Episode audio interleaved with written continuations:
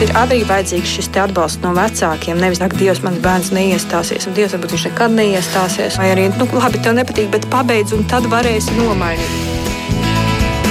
Mēs tiekamies ģimenes studijā.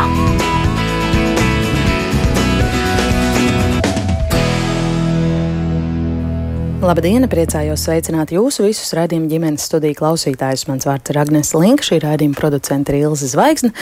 Tuvojas jaunais mācību gads. Un arī šodien mēs sarunu gribam veltīt skolas lietām, proti diviem savstarpēji saistītiem un arī būtiskiem virzieniem. Viens no tiem par vecāku sadarbību ar skolu cik ciešām būt šīm attiecībām, kā un kāpēc tādas vispār veidot, un otra sarunas daļa par to, kā mums pieaugušajiem, gan vecākiem, gan skolotājiem palīdzēt bērniem iejusties tajā skolas vidē, kā veidot jaunas draudzības un kā sekmēt laba emocionālā klimata veidošanos klasē. Tāds piedāvājums šai sarunai un tās dalībnieces un raidījuma ģimenes studijas viešņas šodien ir izglītības eksperte un Rīgas pilsētas sākuma skolas, kas tagad pārto pamatskolā dibinātājs Olvita Lāsdiņa. Labdien! Labdien! Un telefoniski ar mums kopā ir Cēsu jaunās skolas psiholoģe Inna Rēzgale. Labdien! Labdien! Un sveicienus sūtu arī mammai un konferences vecāki var organizētājai Meldrai Ginētē. Labdien, Meldra! Labdien! Arī jūs, eh, klausītāji, kā Allaž ģimenes studijā, varat pievienoties mūsu sarunai, ja jums ir kas sakāms, kādas pieredzes, komentāri, kādi jautājumi vai varbūt pārdomas par to, kādas jums kā vecākiem veidojas attiecības ar jūsu bērnu mācību iestādēm, tad eh, rakstiet mums, kā vienmēr gaidīsim jūsu ziņas, sūtiet tās no Latvijas radio mājaslapas raidījumam ģimenes studija. Iesākot, es eh, vērsīšos, protams, pie klātesošās Solvitas šeit studijā, un, un tas pirmais jautājums jums pēc tam arī tas pats kolēģiem. Kā varētu formulēt, kādām un eh, cik ciešām ir jābūt attiecībām starp skolu un eh, vecākiem? Nu, kā to ciešumu, protams, jautājums vispār var nomērīt? Es bez mērīšanas izteikšu. Jā, jā, labi. Tad, tad attiecībām ir jābūt tādām, lai skolotājs un vecāki un bērns vēl pa vidu varētu sarunāties par mācīšanos. Lai varētu vecāki zinātu, kā viņi var atbalstīt mācīšanos, skolotājs zinātu, kā palīdzēt bērnam eh, skolā, kas, kas ir tās viņas, piemēram, stiprās puses vai kāds atbalsts nepieciešams. Respektīvi, tā ir tāda savstarpēja komunikācija, kas atbalsta bērnu mācīšanos. Sarunāšanās par mācīšanos, ne par ko citu. Nē, nu, protams, mācīšanos ietekmē arī citas lietas. Tās ir savstarpējās attiecības, tā ir tas, kā es jūtos skolā. Nu, nu, tas tas apauga ap, tu, ap šo mācīšanās nu, nu, jēdzienu, ja, vai, vai to ietekmē to, teiksim, tas, kā es emocionāli jūtos. Ļauj man vai nu pieslēgties darbam, vai nepieslēgties darbam. Ja es izjūtu trauksmes, tad par mācīšanos vispār nevar būt runas. Tad, tad tas ir arī par to, kas, kas ietekmē mācīšanos mācīšanos, protams. Bet, nu, Es varu, piemēram, dot mm, nu, piemēru no skolas dzīves, jā, kad eh, nu, dažkārt skolotājiem ir jāpalīdz vecākam saprast, kā, kā, kā plān, palīdzēt bērnam plānot dienu mājās, lai viņš tiktu galā ar visiem darbiem un visiem pēcpusdienas pulciņiem un izaicinājumiem.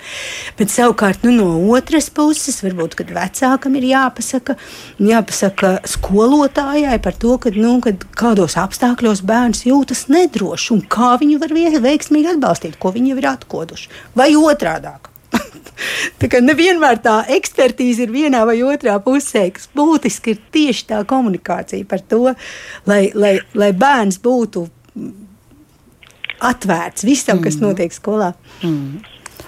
Inna, kā jūs uh, papildinātu vai ko piebilstu Solvits teiktajam?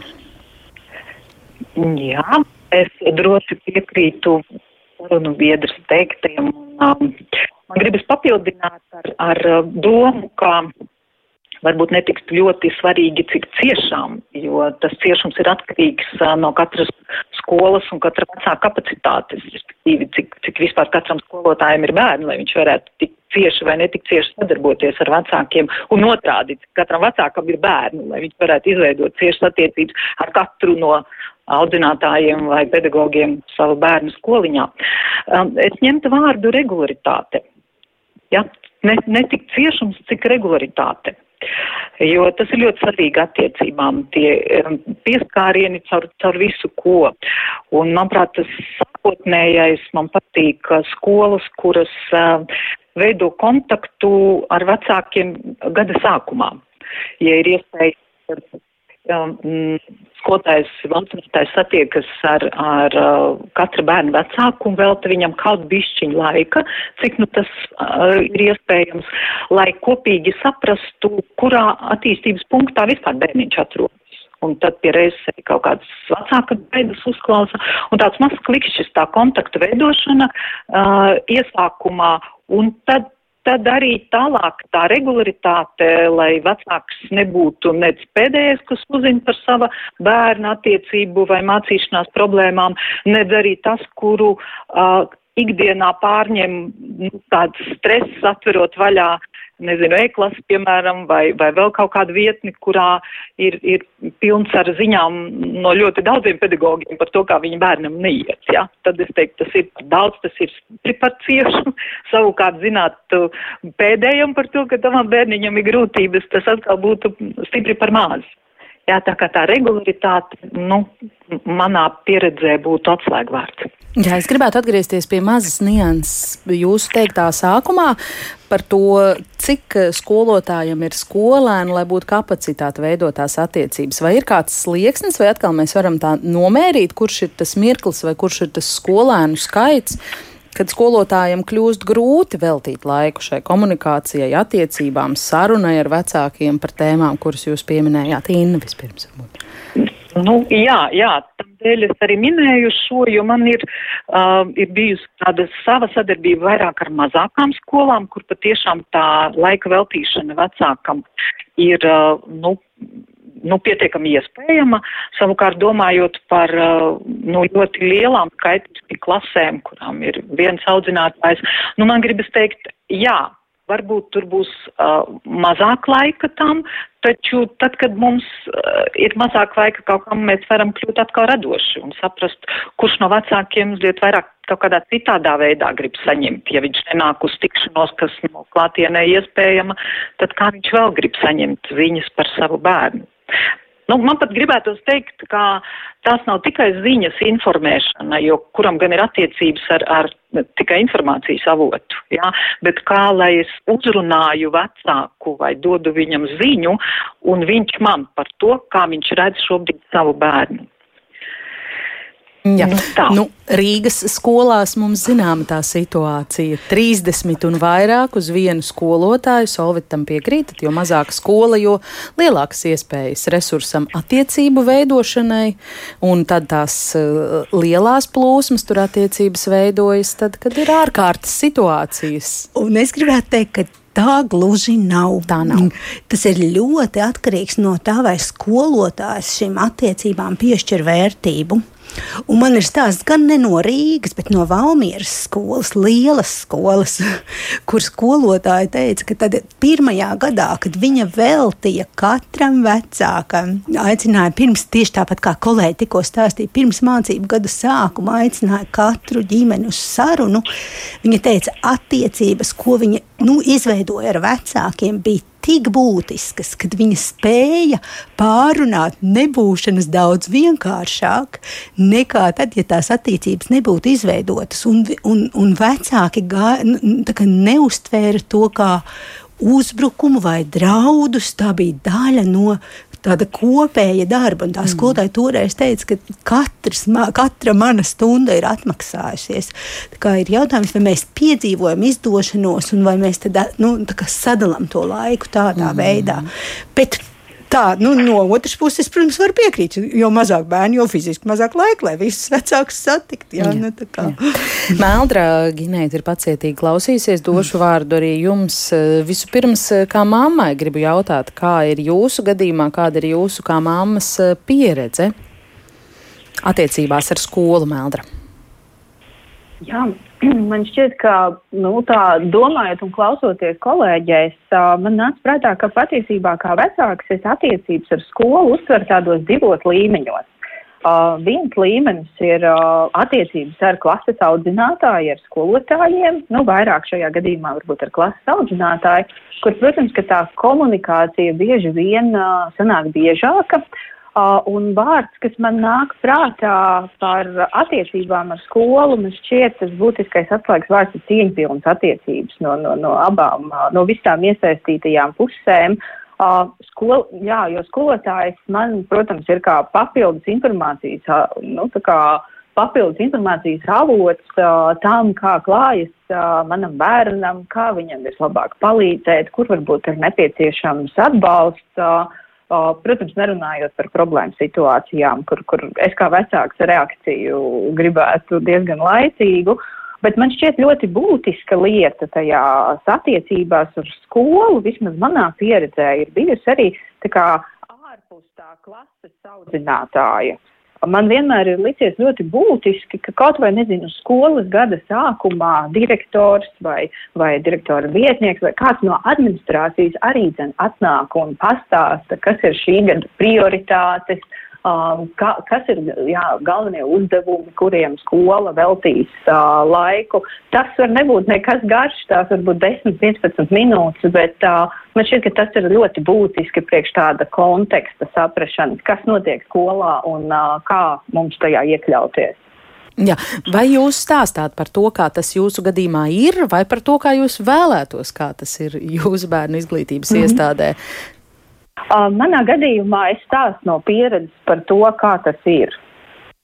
Un tas ir tas, ko es ļoti novērtēju, kas man ir licies ārkārtīgi vērtīgi un nozīmīgi tādā sadarbībā ar skolu.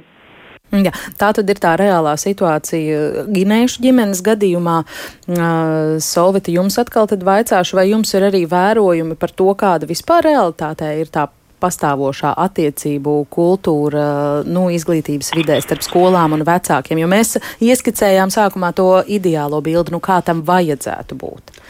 Viņi ir tiešām ļoti atšķirīgi. Ir skolas, kas uzskata, ka nu, tā viņu vienīgā atbildība komunikācijā ar vecākiem ir informēšana.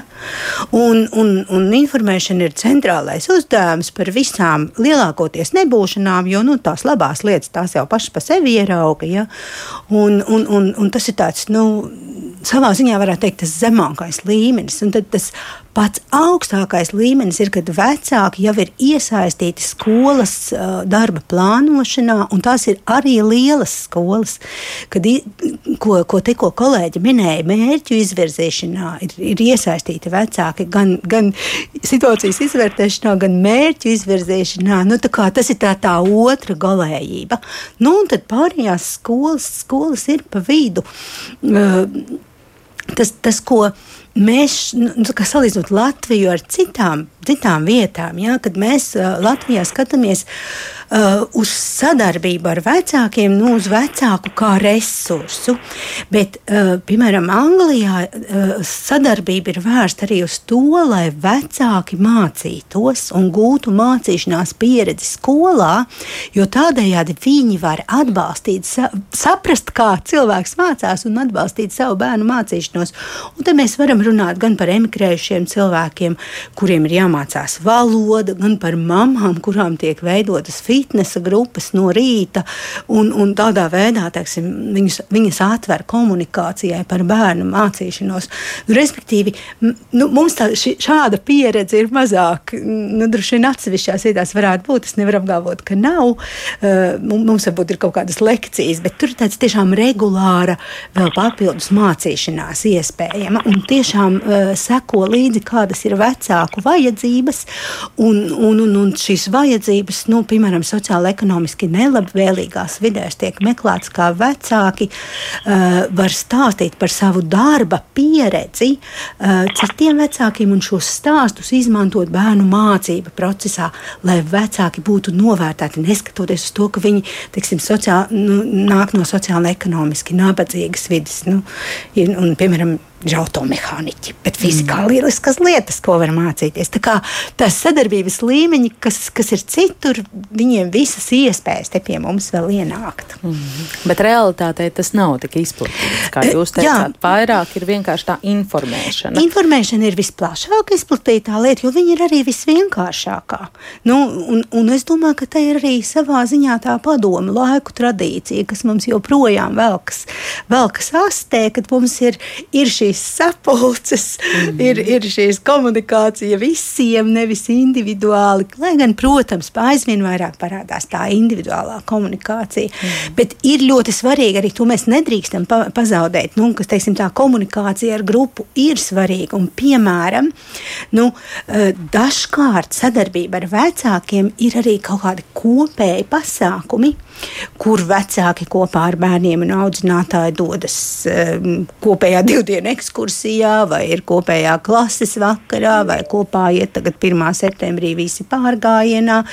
Un tas tā arī ir sadarbība. Mēs veidojam šo uzticēšanās attiecības, cieņpilnas attiecības, iepazīstam, un šajā komunikācijā ir ļoti svarīgi, ka skolotājs ierauga tās, tās ģimenes citā gaismā, citās situācijās. Un tas bieži vien ir ļoti liels resurss, ko var izmantot uh, stundās uh, un, klasē. Mm. Jā, mums uh, arī klausītāji iesaistās mūsu sarunā. Kate, piemēram, raksta informēšanu. Man bērnu gadījumā ir piezīmju rakstīšana dienas grāmatā un tā attieksme, ko viņi jūt. Jums, kā vecākiem, ir jādara vairāk. Man ļoti pietrūkst konstruktīvu ieteikumu no bērnu pedagoga puses. Tāda sajūta, ka arī mani mēs mēģina audzināt, un uh, Inita raksta, ka mūsu šīs dienas temats ir ļoti aktuāls jautājums. Esam pirmās skolas pieredzes gaidās. Man ļoti patika, ka dārziņā satiec skolotāji katru dienu kaut uz minūti laukumiņā, ejot bērnam pakaļ, uh, un tad ir iespēja aprunāties ar interesi. Tagad skatīsimies, kā tas būs skolā. Inna, kāda ir jūsu vērojumi par to, kāda komunikācija un kādas attiecības patiesībā uh, valda skolās starp vecākiem un pedagogiem? Mm -hmm. Nu, jā, kā jau tika atzīmēts, manuprāt, jā, tas, tas spektrs ir, ir plašs, sākot ar tādu formālu informēšanu un, un, un beidzot ar to, ko kolēģi minēja, ar tādu kopīgu svētku svinēšanu vai pārgājienu organizēšanu. Uh, nu, mums aiz muguras ir divi gadi tādi tādu distanci un izolēšanos pilni tam dēļ, gribas teikt, arī tāda, piemēram, nu, jūs pārstāvēt arī tās jaunā skola nesēdē rokas salikusi klēpī, gaidīt, ka pāries. Tas, protams, ir grūti satikt individuāli un par to pašu pirmskolu runājot, kur ir pieredze sadarboties ar vecākiem ciešāk un, un, un arī dalīties kaut kādās zināšanās pedagoģiskās ar, ar, ar viņiem un iedarboties. Arī vecāki mūsdienās ir diezgan ekscelenti un, un, un arī manās tikšanās ar viņiem ir bieži vien, ka es atklāju, o, oh, es šito nezināju, es šito tiešām nezināju. Tas ir normāli, ja viņi daudz lasa kluči par saviem mazviļiem un, kā jau 33 gadus mamma būdamā, nu, vairs tik ļoti neinteresējos par to.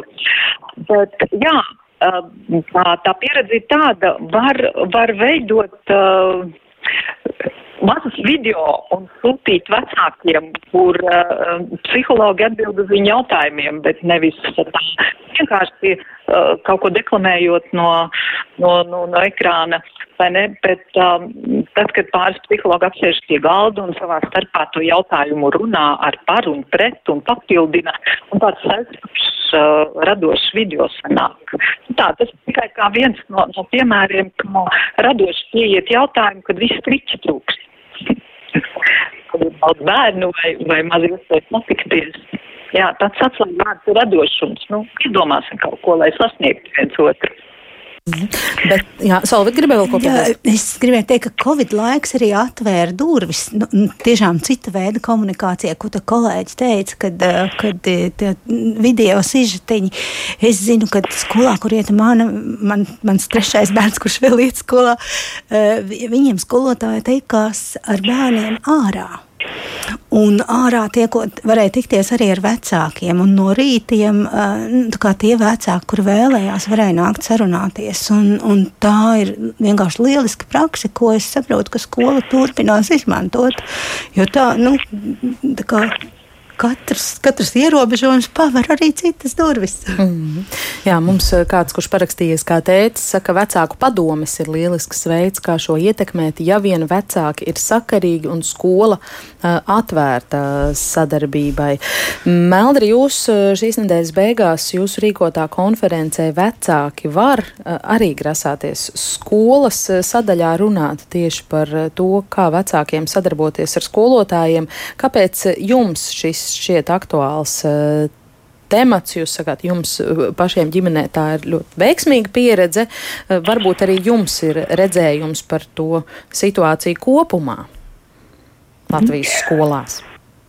Uh, principā tās tēmas, jā, uh, viens no jautājumiem, kādēļ arī šādu tēmu mums gribējās šajā konferencē pacelt. Uh, ir jā, ļoti saistīts ar to, kā šo sadarbību ar skolu vecāki varētu arī zin, veidot tā, lai tas nebūtu pārāk paģēroši ne no skolas puses, jo reizēm man arī kā vecākam vērojot kaut kādas uh, citu vecāku interakcijas ar, ar, ar, ar skolu un, un, un skolotājiem, nu, rodās tā sajūta, ka mēs kā vecāki esam tik pieprasoši, tik uh, um, tik daudz laika un ētera aizņemam ar, ar dažādiem jautājumiem, ka man ir brīžiem arī ir bijusi tā sajūta, ka uh, nu, tas skolotājs ir viens pret uh, mums visiem.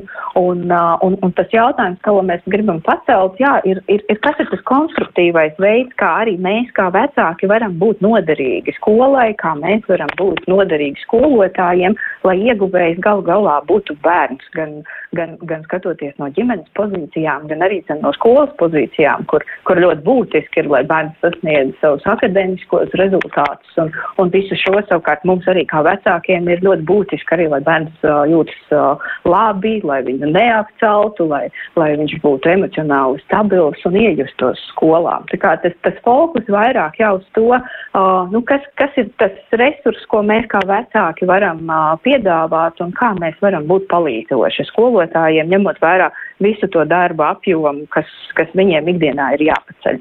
Vai jums ir arī atbilde, kā, kā, kā mammai, arī varbūt pilnīga vai daļēji, kā tad vecākiem ar skolu sadarboties racionāli uz šo jūsu uzdoto jautājumu? Jā, tā, tā, protams, būs tāda mana individuāla interpretācija. Es teiktu, jā, kad uh, Man liekas, tāda ļoti būtiska lieta, kas mums kā vecākiem ir jāsaprot, ka bērnus tomēr audzinam mēs vecāki, nevis skola. Un ka tā mūsu kā vecāku atbildība par, par, par to, kā bērns ir iemācījies uh, ikdienā tikt ar, ar, ar savām emocijām galā, ar, redzen, ar praktiskām lietām, kā viņu atbalstīt šajā procesā, nu, ka tā ir mūsu atbildība no skolas Man šķiet, ka tā nodalīšana ir, ir, ir ļoti būtiska lieta uh, un elementāras pieklājības normas. Uh, Nezinu, nevaicāt skolotājiem, nezinu, ko darbdienu vakaros, brīvdienās. Man šķiet, ka ļoti liels jautājums ir arī tiešām par tādu cieņpilnu saskarsmi un, un labvēlīgu komunikāciju. Solvit, ko vēlties vēl piemetināt pie šī?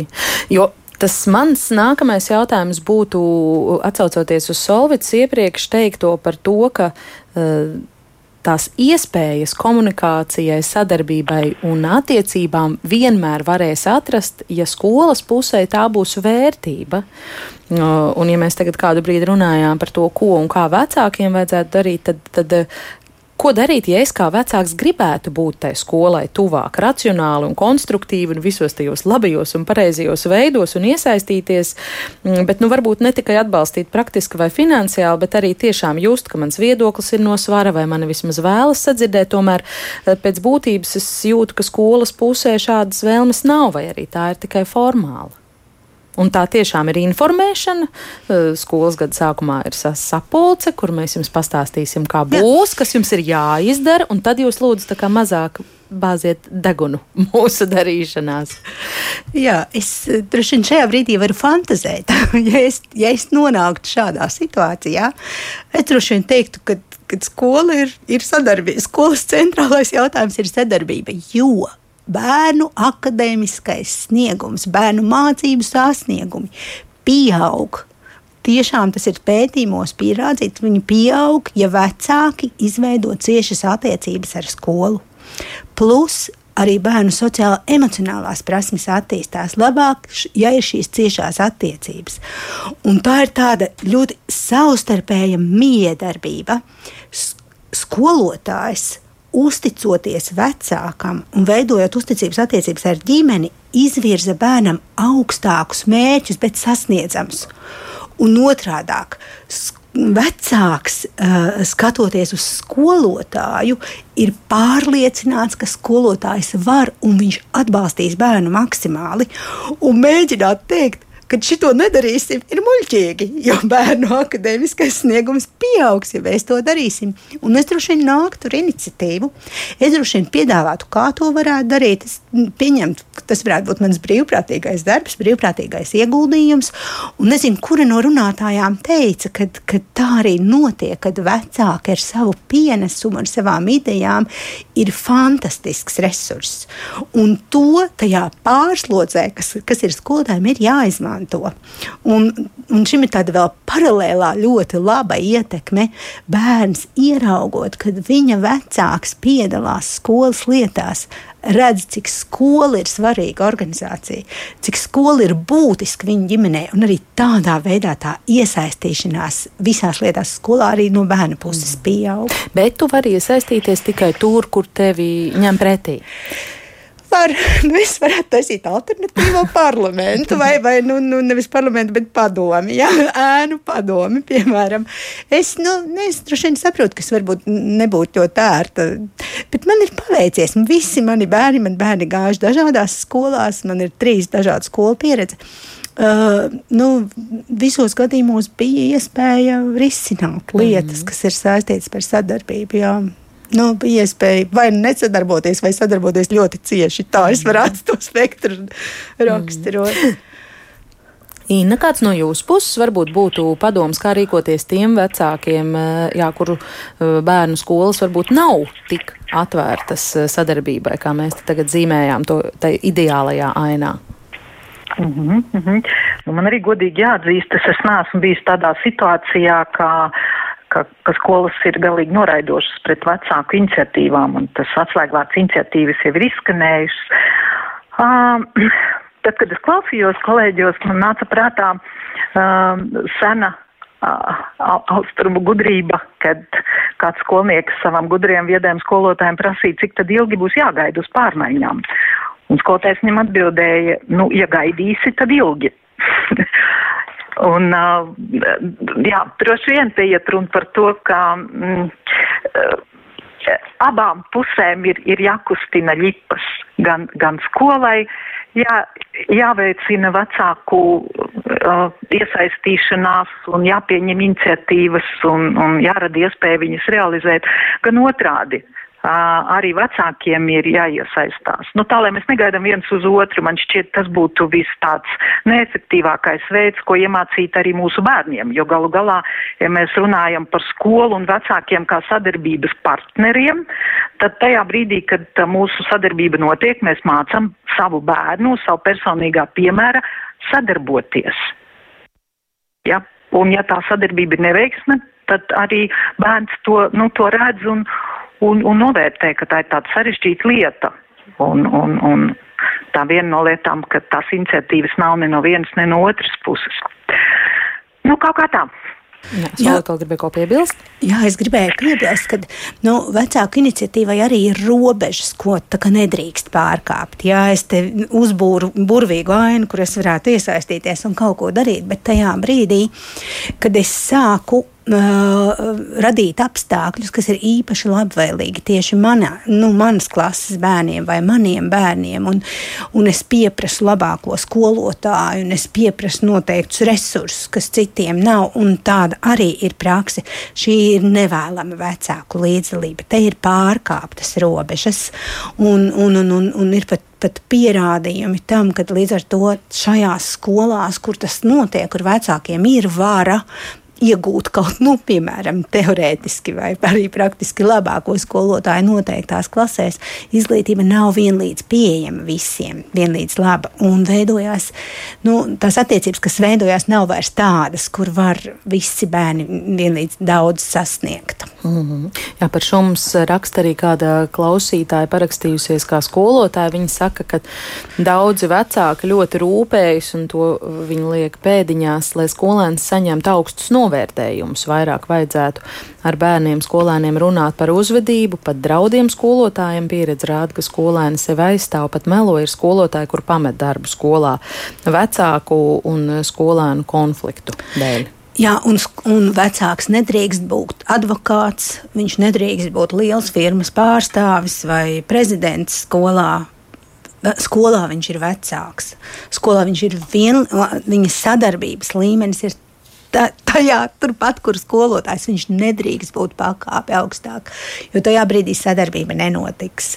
Un, un, jā, šis, šis, man liekas, tas stāsts ir par to, ka, ka daļa vecāku uzskata, ka bērnu mācīšana ir fundamentāla skolas atbildība, un viņu uzdevums ir tikai pieprasīt. Tā nav. Mm. Tas ir kopdarbs. Mēldri, jums vēl kas par šo piebilstams varbūt?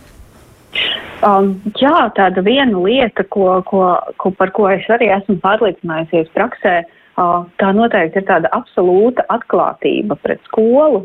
Uh, kur mums arī ir bijušas kaut kādas situācijas un, un, un, un brīži, kad mēs esam domājuši par to, vai skolotājs mums par šo un šito būtu jāinformē.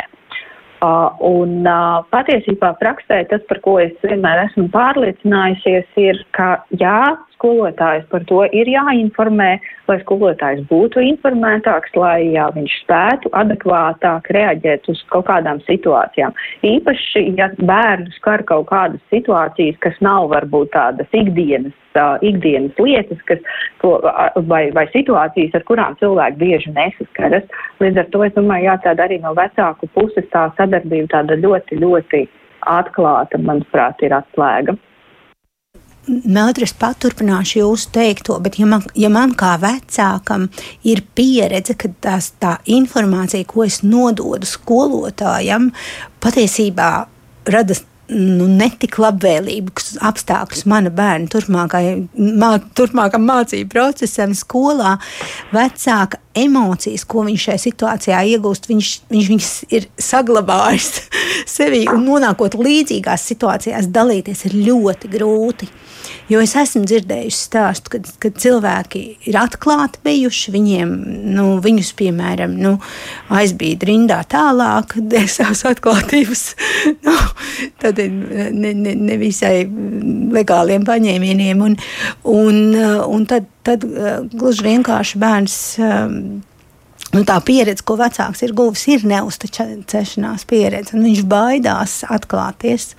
Tas, tas ir fun, ļoti, ļoti liels šķērslis, un viņam ir jāpiedzīvo izdošanās pieredze, lai viņš to, to savu mm. iepriekšējo pieredzi mainītu. Un tas līdzīgs stāsts par to klausītāji, kas rakstīja, ka viņi saņem tikai piezīmes. Viņi jau, ir, viņi jau arī gaida, viņi jau vairs nezina, ko nozīmē sagaidīt kaut kādu pozitīvo stāstu. Un viņai būtu jāpiedzīvo cita pieredze, lai viņi varētu skatīties uz skolu ar citām acīm. Mm. Inna šim piekritīsiet droši vien, vai ne? Jā, jā visam noteikti. Es atgādināšu, ka ģimenes studijā mēs šodien eh, runājam ar izglītības ekspertu Solvitu Lazdiņu, un telefoniski ar mums kopā ir arī Cēsu jaunās skolas psiholoģa Inna Rezgala, kā arī māma un konferences vecāki var organizētāja Meldra Ginēte, un mēs eh, spriežam par vecāku sadarbību ar eh, skolu, un šajā vēl mums atlikušajā laikā līdz raidījuma beigām raidījuma otrajā daļā es rosinātu runāt par to, kā mums pieaugušajiem, gan vecākiem, gan skolotājiem, skolotājiem palīdzēt tagad mācību gadam, tuvojoties, domāt par skolas gaitu atsākšanu, uzsākšanu, kā palīdzēt no jauna iejusties skolas vidē tiem, kas tikai sāks šīs gaitas vai varbūt mainīs mācību iestādi Cik lielā mērā šīs vecāku attiecības ar skolu ietekmē bērnus? Jūs jau nedaudz ieskicējāt, ja, ka tur tā, tā, Dro, nu, tas trīs stūris jā. ir tāds ļoti nesaraujams, neiz, neizkustinās. Tad tā būs tā akadēmiskā izaugsme, tā būs drošība, kas būs pamatā,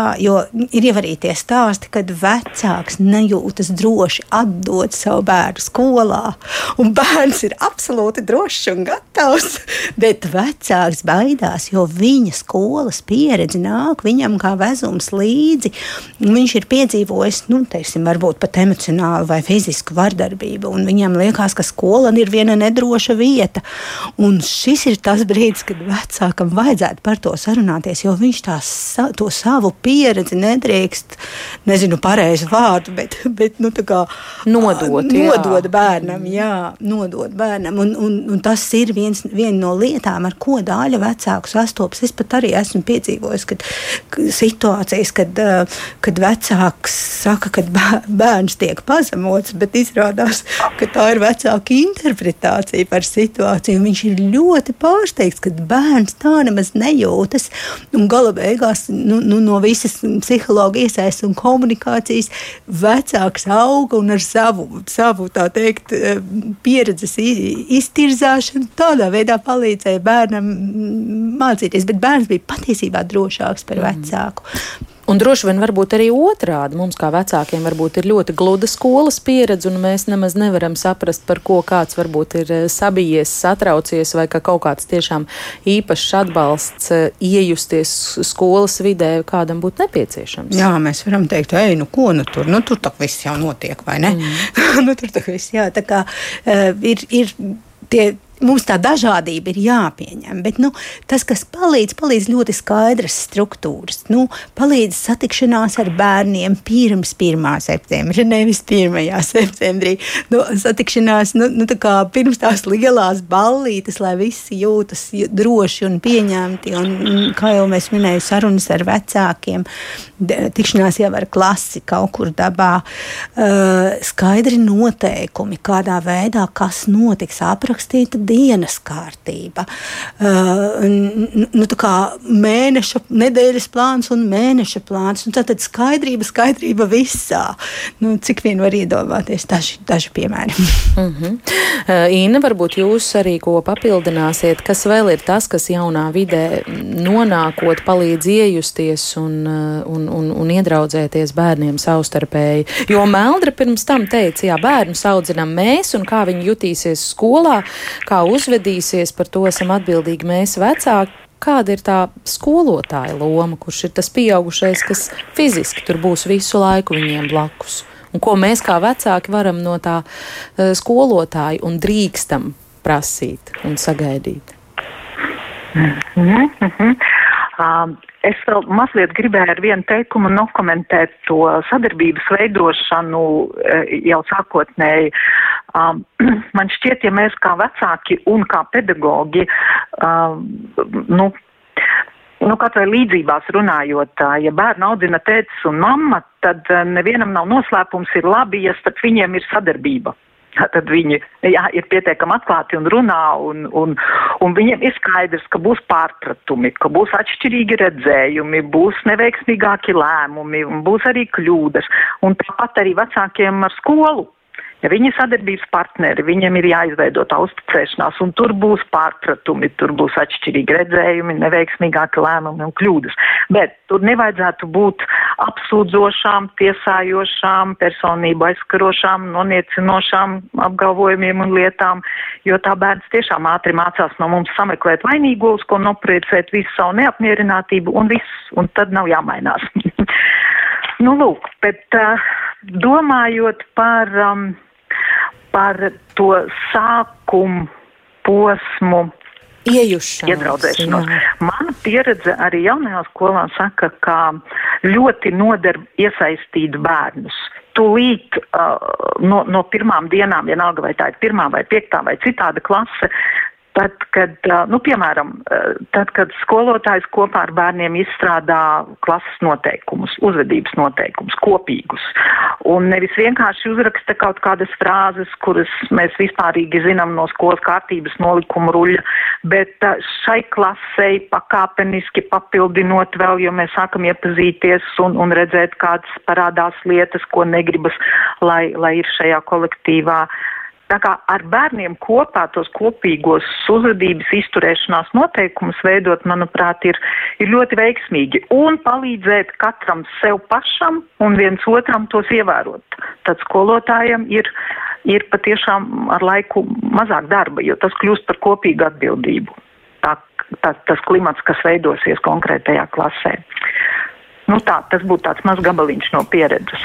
Un sadarbībai tālāk šos noteikumus nu, vajag aiznest uz mājām. Pastāstīt, kādi ir noteikumi, ko mēs mājās izrunājam, un to arī var lieliski klasē izspēlēt. Kad, ko mēs mājās vecākiem pastāstīsim par šodienu? Un, un es dodu vecāku eh, bērniem mutē eh, jau, jau schēmas, kā var sarunāties mājās par skolu par to, kas notika. Ja, jo tas arī ir bieži vien gan, gan liels izaicinājums, kad vecāki nezina, kā sarunāties. Un skolotājs, un, bet sarunāšanās ļoti svarīga. Skolotājs jau vietot noteikumu, izstrādā uzzīmē, saliek, papildina, un kā mēs to pastāstīsim mājās. Mm -hmm. Un par šo sadraudzēšanās eh, tematu domājot, cik lielā mērā tā ir tieši pedagoga skolotāja lieta. Nu, nu, skolotājs var radīt apstākļus, kuros ir vieglāk draudzēties. Nu, nu, viņš var izmantot spēles, kas veido komandas. Viņš var palīdzēt vienam bērnam gaidīt savu kārtu, un tad tādējādi uh, veidot pozitīvu priekšstatu par viņu kā bērnu, lai citi ar viņu gribētu draudzēties. Kādam, kādam citam bērnam skolotājs var palīdzēt, nu, tādas impulsīvas reakcijas kontrolēt, un, un tā, tur ir tāda, tādas divas puses. Mēs varam radīt, uh, piedāvāt vingrinājumus vienkārši, kuros mēs draudzējamies ar visiem, mēs varam radīt noteikumus, kuros mēs, mēs un, un pārunāt, kā tas notiek, bet mēs, nu, tas, kas skolotājiem ir jādara, viņam ir jāatbalsta katrs bērns, lai citi ieraudzītu tās viņa pozitīvās puses. Un man jāsaka, pozitīva pieredze pirmajās klasēs no mācīšanās pieredze būs svarīga visus tālākos gadus. Un Somijam pat standartā ir rakstīts, ka mums ir jāizdimdina mācīšanās prieks, jāizdimdina tas labais, kas notiek no tādām rituālām darbībām. Jo tajā brīdī, kad būs grūti, mēs to varēsim izmantot kā resursu. Mēs atcerēsimies, mums būs tās pozitīvās pieredzes uzkrāšana. Nu, es biju aizvelku citā virzienā, bet man likās mm. svarīgi. Tāpat laikā skolotājs var arī rakstīt eh, vecākiem piezīmes par uzvedību, lūgt pārunāt mājās uzvedību, un, un, un, un, un tas ir es, arī viss. Es ne, nezinu, es nerakstītu piezīmes par uzvedību. Es tiešām nerakstīju. Nu, tā kā māma tur bija. Jā, jo, jo, jo kas notiek tajā brīdī, pār, nu, nu, tā ziņa, ko es dodu vecākam, ir, ir es netieku galā, tavs bērns nav pietiekami audzināts, un, Un, un Meldra teica, ka viņa savējos ir izaudzinājusi, bet ir bērni, kuriem ir uzvedība, ir jā, viņu, viņu uzvedība ir jāatbalsta, lai viņš mācītos skolotājiem ir riktīgi jāpiestrādā.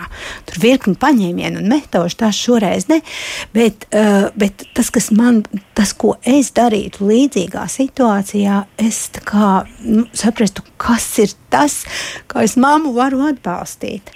Bet redziet, nu, tā pieredze mūsu skolotājiem, viņi tagad tikai mācās šīs lietas. Nu, nu, es arī nu, negribu mm, radīt trauksmi skolotājos, jo viņi to vēl nezina. Bet tā ir tā viena lieta, kas mums ir jāmācās. Jo tās attiecības, mīļie skolotāji, mīļie vecāki, būs pamatā akadēmiskam. Vir, akadēmiskai virzībai uz augšu. Meldri, jūsu pārdomas kolēģies klausoties. Oh, jā, es noteikti negribēju teikt, ka šis izaudzinājums savus bērnus, mēs to darām katru dienu.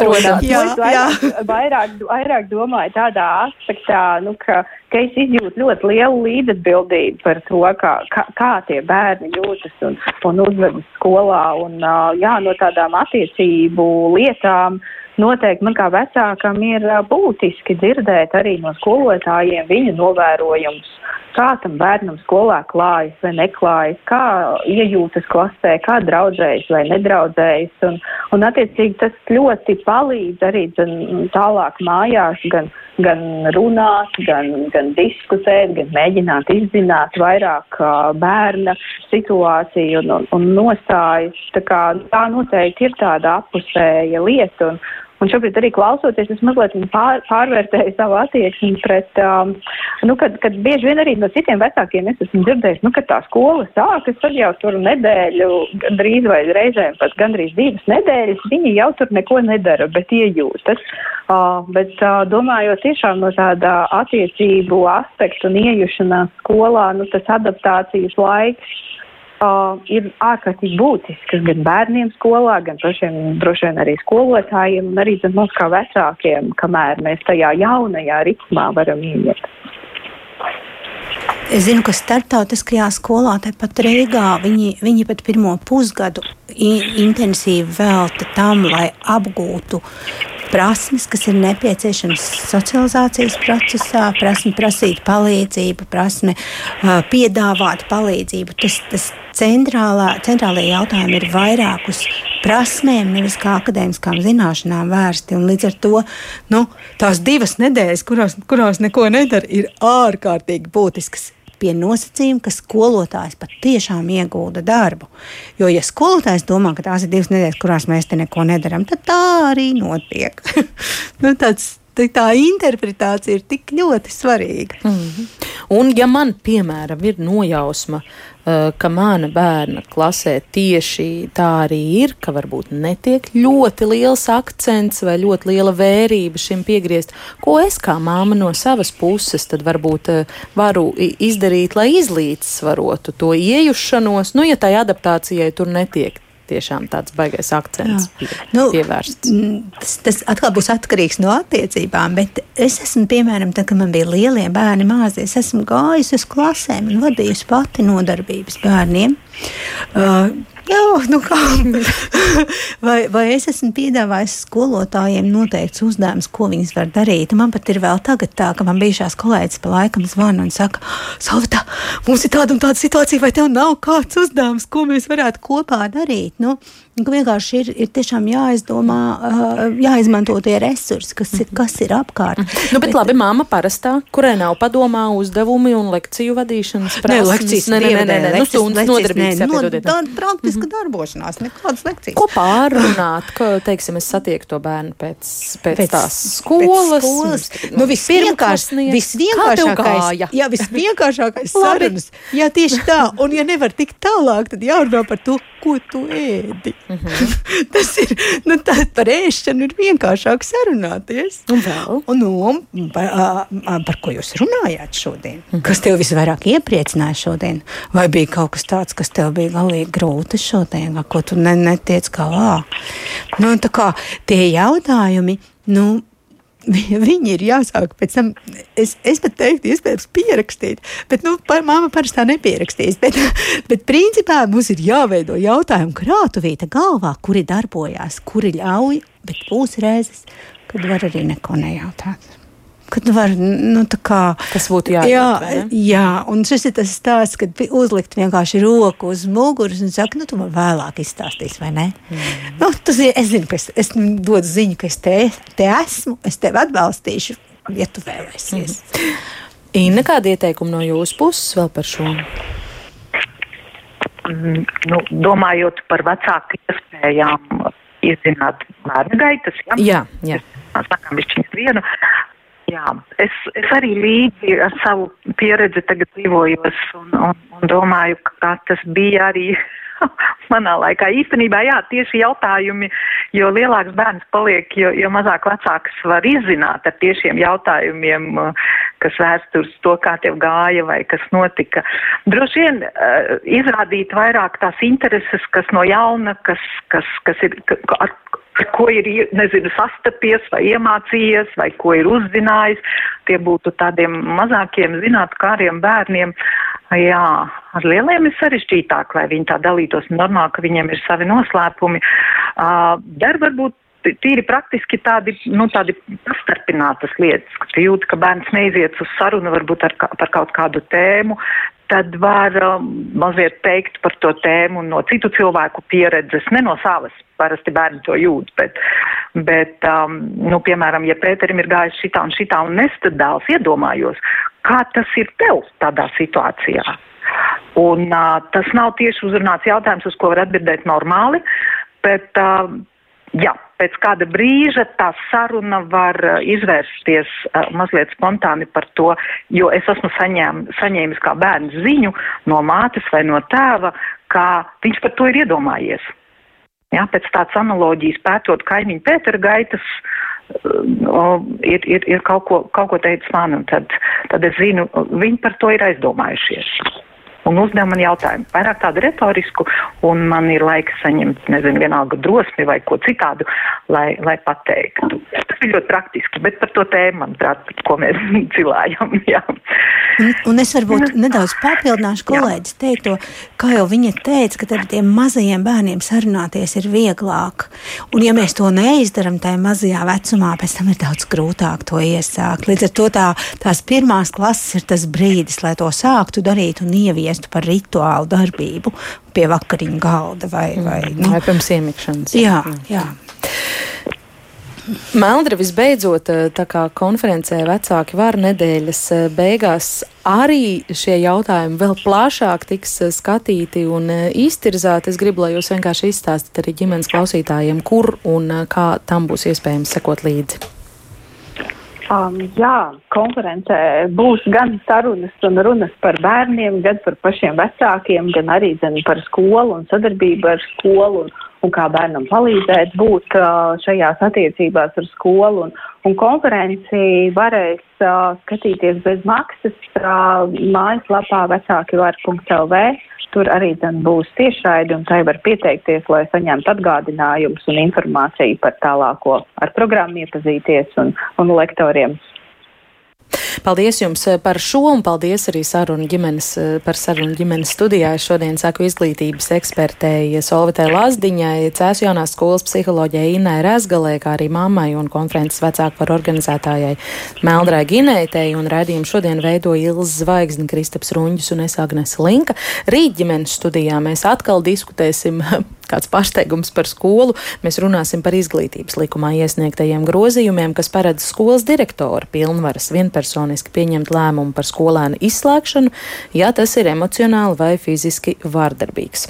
Tas eh, rīt klausieties mūs pēc pulkstena diviem, pievienojieties diskusijai un klausieties ģimenes studiju arī podkāstos mobilajā lietotnē un sekojiet mums līdzi sociālos tīklos Facebook un Instagram uz sadzirdēšanos.